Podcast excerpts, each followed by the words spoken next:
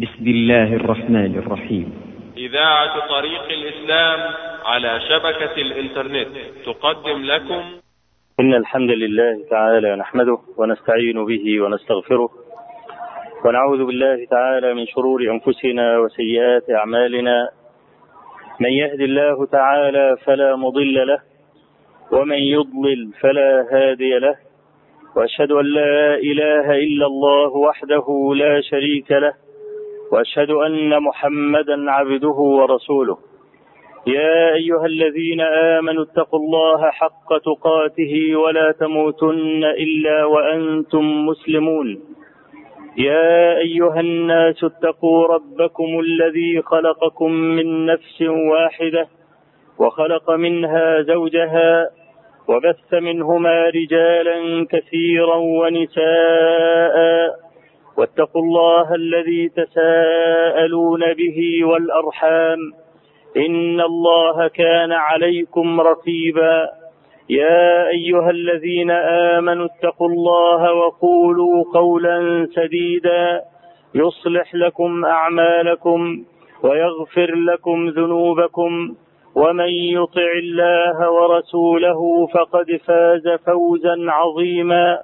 أما بعد فإن أصدق الحديث كتاب الله تعالى وأحسن الهدي هدي محمد صلى الله عليه وآله وسلم وشر الأمور محدثاتها وكل محدثة بدعة وكل بدعة ضلالة وكل ضلالة في النار. فقد ذكرنا في الجمعة الماضية أن الله تبارك وتعالى أنزل ستين آية في شأن غزوة أحد. وهي تبدأ من قوله تبارك وتعالى وإذ غدوت من أهلك تبوئ المؤمنين مقاعد للقتال والله سميع عليم. حتى قوله تبارك وتعالى ما كان الله ليذر المؤمنين على ما أنتم عليه حتى يميز الخبيث من الطيب. وقد تخللت هذه الآيات الستون بضع آيات ظن بعض الناس أو قد يظن بعض الناس الا علاقة لها بالسياق بالسياق المتعلق بغزوة أحد. وهو من قوله تبارك وتعالى ولله ما في السماوات وما في الأرض يغفر لمن يشاء ويعذب من يشاء والله غفور رحيم. يا أيها الذين آمنوا لا تأكلوا الربا أضعافا مضاعفة واتقوا الله لعلكم تفلحون. حتى قوله تعالى ونعم أجر العاملين وقد ذكرنا في الجمعة الماضية أيضا أن هذه الآيات تمثل النسيج الاجتماعي الذي يهزم العدو دائما. ولقد علمنا كما رواه البخاري وغيره أن النبي صلى الله عليه وآله وسلم لما دخل المدينة مهاجرا فعل شيئين. فأول شيء فعله أنه بنى المسجد وثاني الأشياء التي فعلها أنه آخى بين المهاجرين والأنصار فقوى علاقة العبد بربه إذ لا بقاء له ولا سعادة ولا فلاح إلا بهذه العلاقة الطيبة. ثم آخى بين المسلمين جميعا. ولقد أشارت هذه الآيات إلى ذلك. إن أي مجتمع متهرئ من الداخل لا يمكن بل عادة لا يستطيع أن يغلب عدوه الخارج أبدا. كما قال النبي صلى الله عليه وسلم ليس الشديد بالسرعة ولكن الشديد الذي يملك نفسه عند الغضب. فليس الشديد على الحقيقة الذي إذا صارع الرجال غلبهم ولكن الشديد على الحقيقة هو الذي ملك نفسه لما امتلأت جوانحها بالغضب. فهذا الذي استطاع أن يغلب نفسه حري به أن يغلب عدوه في الخارج. أما وهو مهزوم دائما من الداخل شهواته تغلبه. وشيطانه يغلبه. فهذا هيهات هيهات أن يغلب عدوه في الخارج. فالله تبارك وتعالى لما قال يا أيها الذين آمنوا لا تأكلوا الربا أضعافا مضاعفة. أشار إلى أن من أعظم ما يهدد هذا النسيج الاجتماعي هو ترك التراحم بين العباد. والربا عنوان ذلك. المرابي مصاص للدماء. لا يحب أحدا إنما يحب المال. يرى الرجل يسقط بسبب الحاجة فلا يحن له ولا يشفق عليه ويعطيه المال بزيادة وهو يعلم على الأقل بحسابات المستقبل القريب أن هذا الرجل لا يستطيع الوفاء ومع ذلك إذا جاء موعد الأجل ولم يسدد فسح له في الأجل مرة أخرى مع الزيادة. فهذا لا يحب أحدا. والربا كبيرة من أكبر الكبائر كما أجمع عليه أهل العلم. وذكر القرطبي رحمه الله في تفسيره أن رجلا جاءه فقال يا أبا عبد الله لقد رأيت رجلا مخمورا يريد أن يأخذ القمر يريد أن يتعاطى القمر بسبب إنه سكران فيريد أن يمسك القمر بيديه. فقلت امرأتي طالق إن كان هناك شيء أشر من الخمر يدخل جوف ابن آدم. فقال له انظرني. فجاءه الرجل من الغد. فقال له انظرني. فجاء الرجل من الغد. فقال له مالك امرأتك طالق. فإني تدبرت كلام الله عز وجل في كتابه وأحاديث رسول الله صلى الله عليه وآله وسلم فلم أجد أشر من الربا. الربا دمار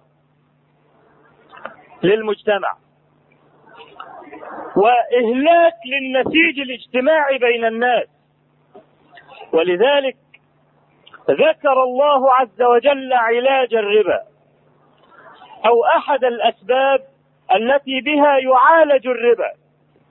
فقال تبارك وتعالى وسارعوا إلى مغفرة من ربكم وجنة عرضها السماوات والأرض أعدت للمتقين الذين ينفقون في السراء والضراء. هذا هو علاج الربا. النفقة. الا يبخل أحد بمال على مستحق. في السراء أي في وقت النعماء ينفق. وفي الضراء أي مع شدة الحاجة أيضا ينفق. والله عز وجل يخلف. وما أنفقتم من شيء فهو يخلفه. وهو خير الرازقين.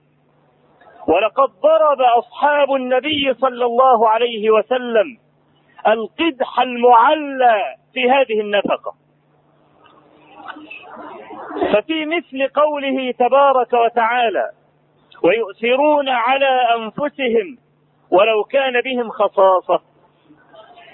ما رواه البخاري ومسلم من حديث أبي هريرة رضي الله عنه أن رجلا جاء النبي صلى الله عليه وآله وسلم فقال يا رسول الله إني مجهود أعيان الجهد بسبب الجوع. فأرسل النبي صلى الله عليه وآله وسلم إلى بيت من بيوته يسأل عن طعام. فقالوا والله ما عندنا إلا الماء. فأرسل إلى بيت آخر. فقالوا مثل ذلك حتى أرسل إلى بيوته جميعا ويقولن مثل ذلك. فقال صلى الله عليه وآله وسلم من يضيف هذا الليلة رحمه الله. فقام رجل من الأنصار فقال أنا يا رسول الله وأخذ الضيف ودخل داره فقال ما عندك من الطعام؟ قالت ما عندي شيء إلا قوت صبياني. قال قربيه ثم أوصاها إذا وضعت الطعام أن تطفئ السراج.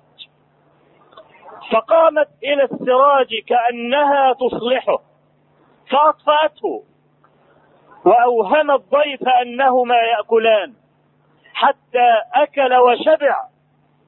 فلما أصبح جاء الرجل إلى النبي صلى الله عليه وآله وسلم فقال إن الله قد عجب منكما الليلة بصنيعكما بضيفيكما. فنزلت الآية. فيؤثرون على أنفسهم ولو كان بهم خصاصة والخصاصة هي شدة الحاجة. وإنما هذا محمول على من له قدرة على الصبر. أما من لا يستطيع أن يصبر فلا يفعل ذلك. كأن مثلا يواسي الضيف ثم يخرج فيسأل الناس. لا. لا تواسي الضيف. طالما ليس معك فإن النبي صلى الله عليه وسلم لما عدم القوت لم يسأل. إنما قال من يضيف هذا الضيف؟ فهذه الآية محمولة على من له قدرة على الصبر ولا يدفعه ذلك أن يسأل الناس. وكذلك من أسباب زوال الربا القرض الحسن أن تقرض بغير فائدة. ولقد جاء في هذا أحاديث عاطرة لأصحاب النبي صلى الله عليه وآله وسلم. فمن ذلك ما رواه مسلم في صحيحه عن عبد الله بن أبي قتادة رحمه الله. قال كان لأبي قتادة دين على رجل فلما رواه فلما رآه توارى منه. فقال له أبو قتادة لم تتوارى عني؟ قال إني معسر. فقال له آه الله يعني بالله أنت معسر؟ قال نعم. فأسقط عنه الدين. وقال سمعت رسول الله صلى الله عليه وآله وسلم يقول من أنظر معسرا أو وضع له أظله الله في ظله يوم القيامة. وأيضا روى مسلم في صحيحه من حديث عبادة بن الوليد بن عبادة بن الصامت قال خرجت أنا وأبي نطلب العلم في هذا الحي من الأنصار قبل أن يهلكوا. فكان أول من لقينا أبا اليسر صاحب رسول الله صلى الله عليه وسلم. فقال له أبي يا عم ما لي أرى على وجهك سفعة من غضب. قال نعم كان لي دين على فلان ابن فلان الحرامي. حرامي؟ أي من بني حرام. فجئت فسألت أهله عنه أثم هو؟ قالوا لا. فبينما أنا كذلك إذ خرج ابن له قد قارب البلوغ. فقلت له يا غلام أين أبوك؟ قال سمع صوتك فدخل في أريكة أمي. دخل تحت السرير. قال فناديته يا فلان أخرج. فقد علمت أين أنت. قال فخرج. فقلت له ما حملك على أن فعلت ذلك؟ قال والله إني لمعسر ولقد خشيت أن أحدثك فأكذبك وأن أعدك فأخلفك. وكنت صاحبا من أصحاب رسول الله صلى الله عليه وسلم. فقال له أبو اليسر آه الله قال آه الله آه الله آه الله ثلاث مرات. أي أبي الله أنت معسر؟ قال نعم. فدعا بالورقة الكمبيالة. فمحاها محى دين الرجل. وقال إن وجدت وفاء فأدي وإلا فأنت في حل سمعت النبي صلى الله عليه وآله وسلم يقول من أنظر معسرا أو وضع له أظله الله عز وجل في ظله يوم لا ظل إلا ظله. وروى الإمام أحمد عن عطاء مولى القرشيين أن عثمان بن عفان اشترى أرضا من رجل فتلكأ هذا الرجل فلقيه عثمان فقال ما الذي منعك أن تقبض مالك؟ تيجي تأخذ ثمن الأرض. قال إنك غبنتني أي ظلمتني وضحكت علي. فلا ألقى أحدا إلا وهو يلومني. إن السعر ضعيف وأنت اشتريت بسعر أقل. فقال عثمان أهذا الذي منعك أن تقبض مالك؟ قال نعم. قال فأنت مخير بين أرضك ومالك. سمعت رسول الله صلى الله عليه وآله وسلم يقول أدخل الله الجنة رجلا سمحا إذا باع سمحا إذا اشترى سمحا إذا اقتضى. وذكر ابن قدامة رحمه الله حكاية عن رجل من السادة الأجواد ألا وهو عبد الله بن جعفر بن أبي طالب رضي الله عنه. أنه خرج يوما إلى ضيعة له فمر على بستان لجار له فيه غلام أسود. يعمل في هذا البستان. ومعه ثلاثة أقراص من الخبز. فجاء كلب. فرمى له بقرص. فأكله الكلب. فرمى له بقرص. فأكله الكلب. فرمى له بالقرص الثالث فأكله. وعبد الله ينظر. فقال عبد الله لهذا الغلام الأسود يا غلام كم قوتك في اليوم؟ قال ما رأيت ثلاثة أرغفة. قال كيف آثرت الكلب على نفسك؟ فقال له إن أرضنا هذه ليست بأرض كلاب. وهذا كلب جاء من مسافة بعيدة وهو جائع وكرهت أن أرده قال فكيف تقضي بقية يومك؟ قال أقضيه طاوية أي جائعا. فقال عبد الله ابن جعفر يقولون إنني سخي والله هذا الغلام أسخى مني. ثم اشترى البستان بما فيه من الآلات واشترى الغلام فاعتقه ووهبه البستان.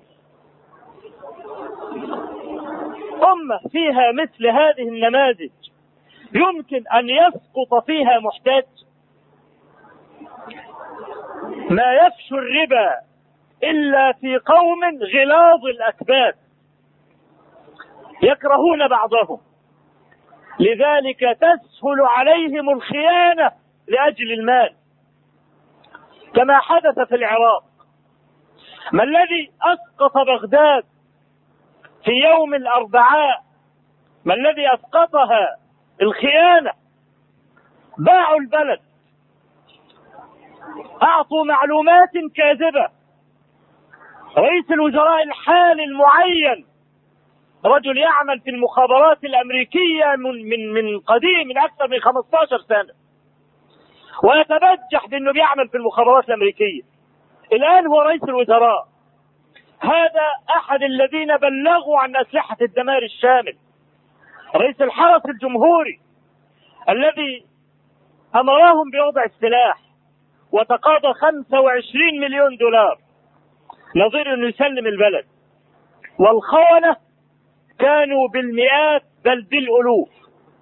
والسبب هذا الطغيان الجارف الذي كان لحاكم العراق قاتله الله. هو الذي فعل كل هذه الأفاعيل. كره الناس بعضهم بعضا. حتى أن بعض هؤلاء بعض العراقيين من طلبة العلم يقولون لقد كنا نرى أساتذة الجامعة المحترمون الذين نعرف نحن طلاب العلم أسماء بعضهم لأن أسماءهم جاءت على كتب التحقيق كانوا يحققون كتب الحديث والفقه واللغة. وكانوا رجالا محترمين. قال رأيت هؤلاء بعض هؤلاء يقف في المكتبات العامة حيث لا يشتري أحد. لماذا يقف هذا الأستاذ؟ إذا دخل رجل يريد أن يشتري كتابا يهمس في أذنيه. عندي مثله بسعر أرخص. فلو جئت مع البيت أعطيتك الكتاب بسعر أرخص. فيبيع مكتبته بتراب الفلوس ليأكل هو وأهله. وهناك حالات يندى لها الجبين. ضيعت المودة بين الخلق. فباعوا البلد وهان عليهم أن يبيعوها. نسيج اجتماعي إذا تمزق فلا نصر على العدو في الخارج. ابدا. أمتنا أمة عظيمة باذله منفقة. قال ابن عمر رضي الله عنهما لقد أتى علينا يوم وما أحد أحق بديناره أو درهمه من أخيه. المال مالي ولكنني أعد هذا المال إما لنفقة وإما لقرض وإما لزكاة وإما لصدقة. هو مالي لكن لا أملكه. ملك المجتمع كله.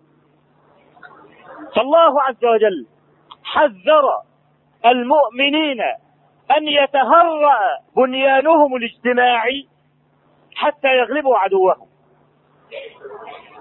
فقال يا أيها الذين آمنوا لا تأكلوا الربا اضعافا مضاعفة. وكان من عادة العرب أنه يضعف الربا. لا يأكل الربا البسيط إنما يأكل الربا المضاعف المركب. فخرجت الآية على غالب ما يفعلون. وليس معنى الآية أنه يجوز أن تأكل الربا ضعفا واحدا. هذا لا قائل به قط من أهل العلم. مش معنى لا تاكلوا الربا اضعافا مضاعفة يعني يجوز أكله ضعفا واحدا؟ لا. إنما هذا خرج على غالب ما كانوا يفعلون. وجود المرابين في المجتمع مؤذن بهلاكه وأنه لا خير فيه. كما في حديث سمرة ابن جندب رضي الله عنه وقد رواه البخاري في آخر كتاب التعبير من صحيحه. قال كان النبي صلى الله عليه وآله وسلم يكثر أن يقول هل رأى أحد منكم رؤيا؟ فنقص عليه فيعبر. وذات مرة ابتدأهم فقال لقد أتاني الليلة آتيان فانطلق بي وساق رؤيا طويلة. من هذه الرؤيا؟ قال فانطلقنا. فأتينا على رجل يسبح في نهر. أحسبه قال لونه لون الدم. وعلى شاطئ النهر رجل عنده حجارة كثيرة. والرجل اللي بيسبح في النهر يسبح ويأتي. حتى إذا اقترب من هذا الواقف على الشاطئ صغر له فاه فتح فمه. فيلقمه هذا الواقف حجرا. فيأخذ الحجر بفيه ثم يعود فيسبح ثم يرجع إلى هذا الواقف على الشاطئ فيرميه بحجر وهكذا. فلما سأل النبي صلى الله عليه وسلم جبريل وميكائيل من هذا؟ قالوا هذا آكل الربا. آكل الربا يسبح في دماء العباد ويعيش عليها. النتيجة الخسارة له وللمجتمع. وقد عبر عن هذه الخسارة بالحجارة. حجارة علامة الخسران.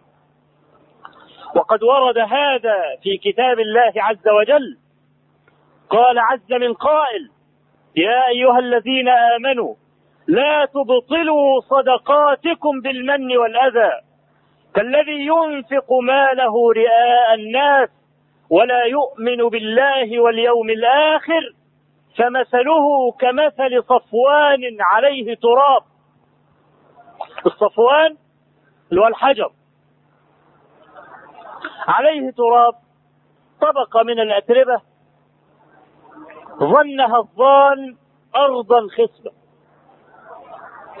فسلط عليها الماء فإذا هو, فإذا هو حجر. لا ينبت كلأ ولا عشبا. لا يقدرون على شيء مما كسبوا. خسارة محققة. الربا نظام اقتصادي مدمر. واسألوا من تعاطى الربا. ومن تعاطى أموال البنوك هل كان عاقبة أمره إلا الخراب؟ يفرح في الأول بأخذ الملايين ولكنه لا يستطيع الوفاء. ولعلكم تذكرون قصة من سمي برجال برجل الأعمال الذي قتل امرأته المغنية. هذا الرجل كان مدين للبنوك ب 150 ألف ب 150 مليون جنيه. مدين ب 150 مليون جنيه. رجل الأعمال ده بيفيد البلد بإيه؟ عنده كازينو على النيل للرقص وشرب الخمر. ثمنه عشرة مليون. عشرة مليون دي مش مال مش مال البلد؟ أموال المودعين؟ تزن للرقص. ماذا استفدنا نحن؟ الخراب. هذا الرجل يكتب لأخيه وصية. إياك أن تتعامل مع البنوك. ولا يزال السيل المنهمر وأموال البنوك المسروقة بالمليارات. لأنهم لا رجال أعمال ولا حاجة. ولا يعرفوا حاجة عن العمل. مسألة كلها يلبس نظيف. ويركب أفخم سيارة وياخد مكتب في عمارة شهيرة ويروح يقترض بضمان ميدان التحرير 100 مليون. ويتمنجه ويتمتع. ويسافر بالطيارة رايح جاي. ويعمل عزومات ويطلع وراجل أعمال وفي الآخر يتعثر يوم يقول للبنك تفضل خد المشروعات. كما حدث لبعض اللي هم بيشتروا الصحراء لبناء المدن الجديدة. في الآخر ما بناش حاجة. وأعصر قال لك الأرض ملكي.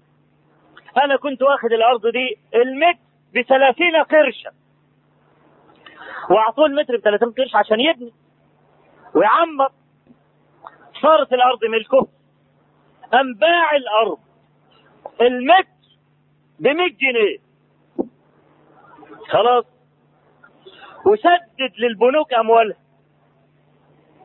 وبقيت الصحراء كما هي. الربا نظام مدمر. لذلك حذر الله عز وجل المؤمنين منه وذكر العقوبة بعده. يا أيها الذين آمنوا لا تأكلوا الربا أضعافا مضاعفة.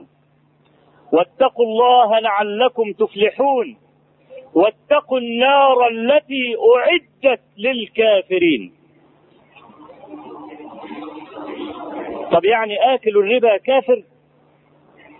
بدلالة الآية دي لا مسألة فيها تفصيل.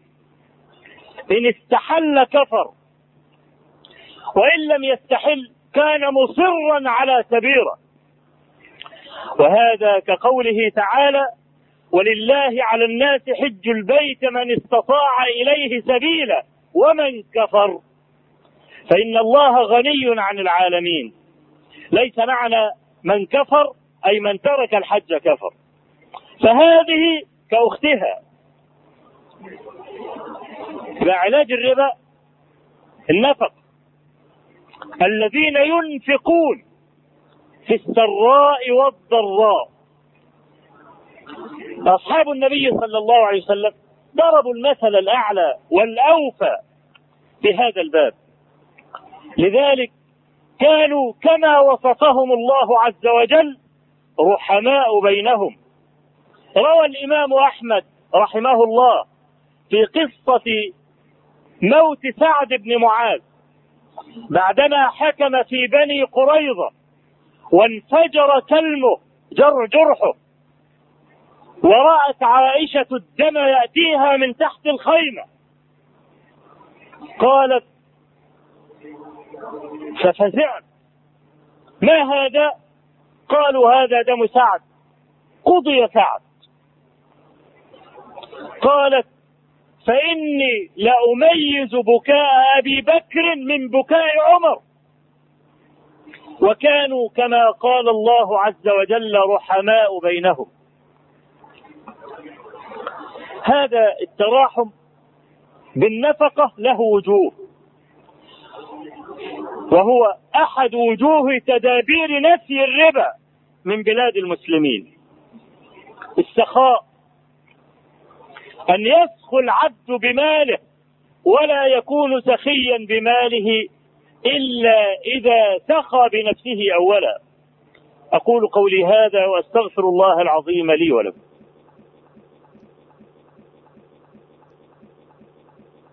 الحمد لله رب العالمين. له الحمد الحسن والثناء الجميل. وأشهد أن لا إله إلا الله وحده لا شريك له. يقول الحق وهو يهدي السبيل.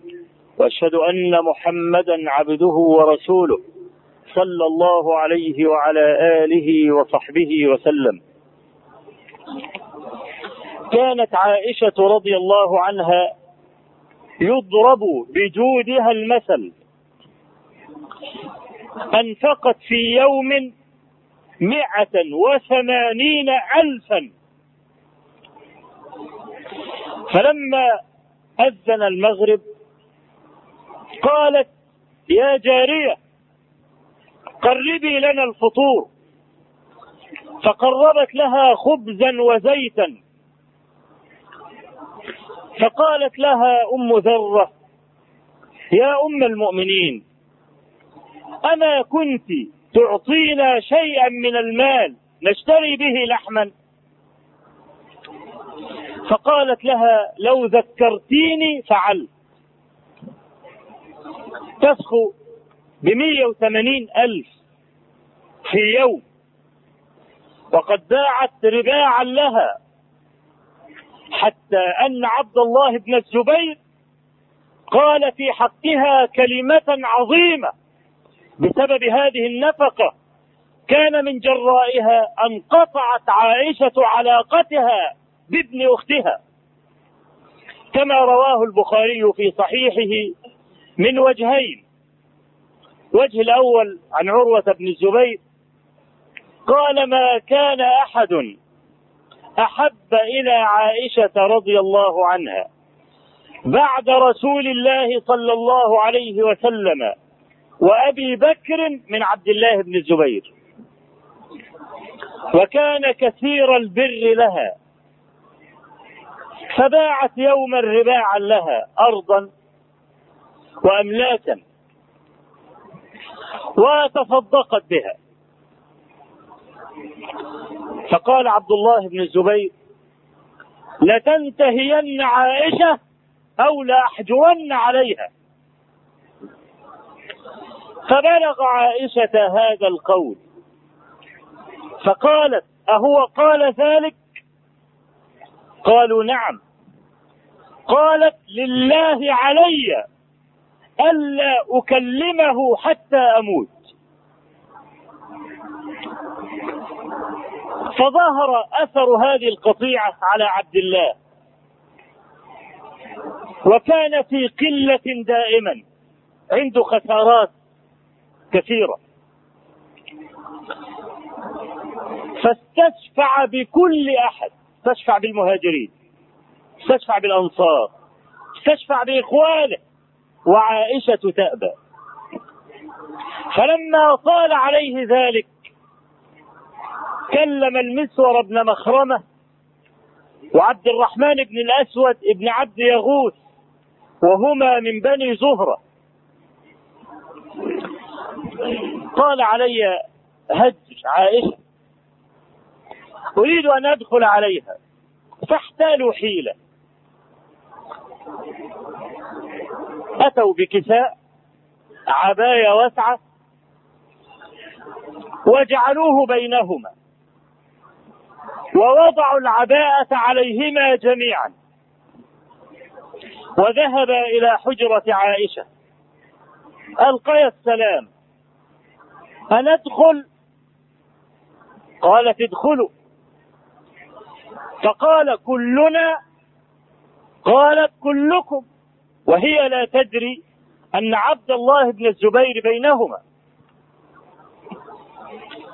فلما دخل عليها اعتنقها وبكى وهو يناشدها ألا تقطعه.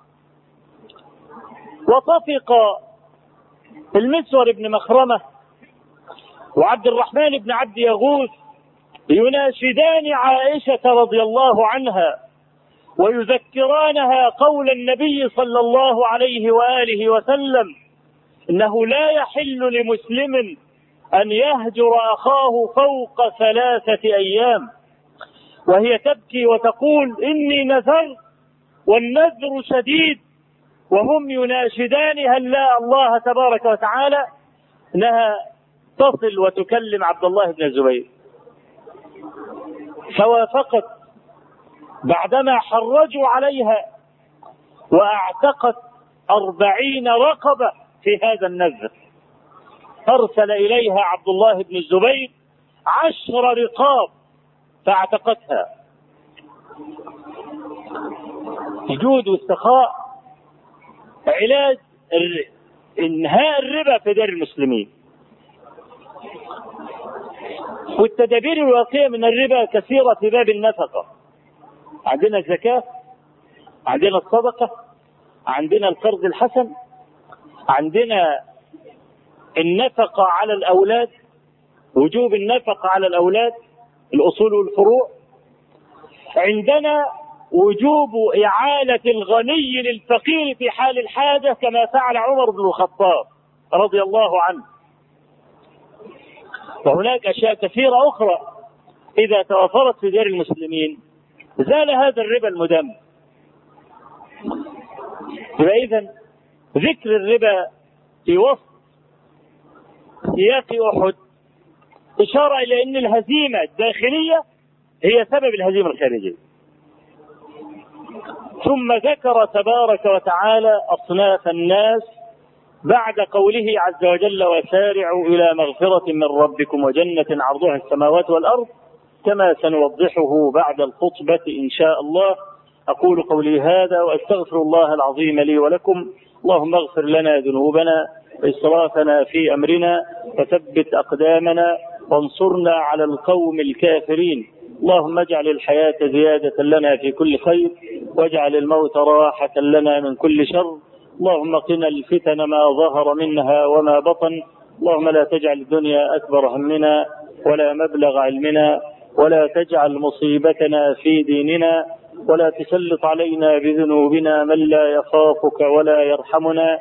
رب آت نفوسنا تقواها وزكها أنت خير من زكاها أنت وليها ومولاها. اللهم اغفر لنا هزلنا وجدنا واخطأنا وعمدنا وكل ذلك عندنا.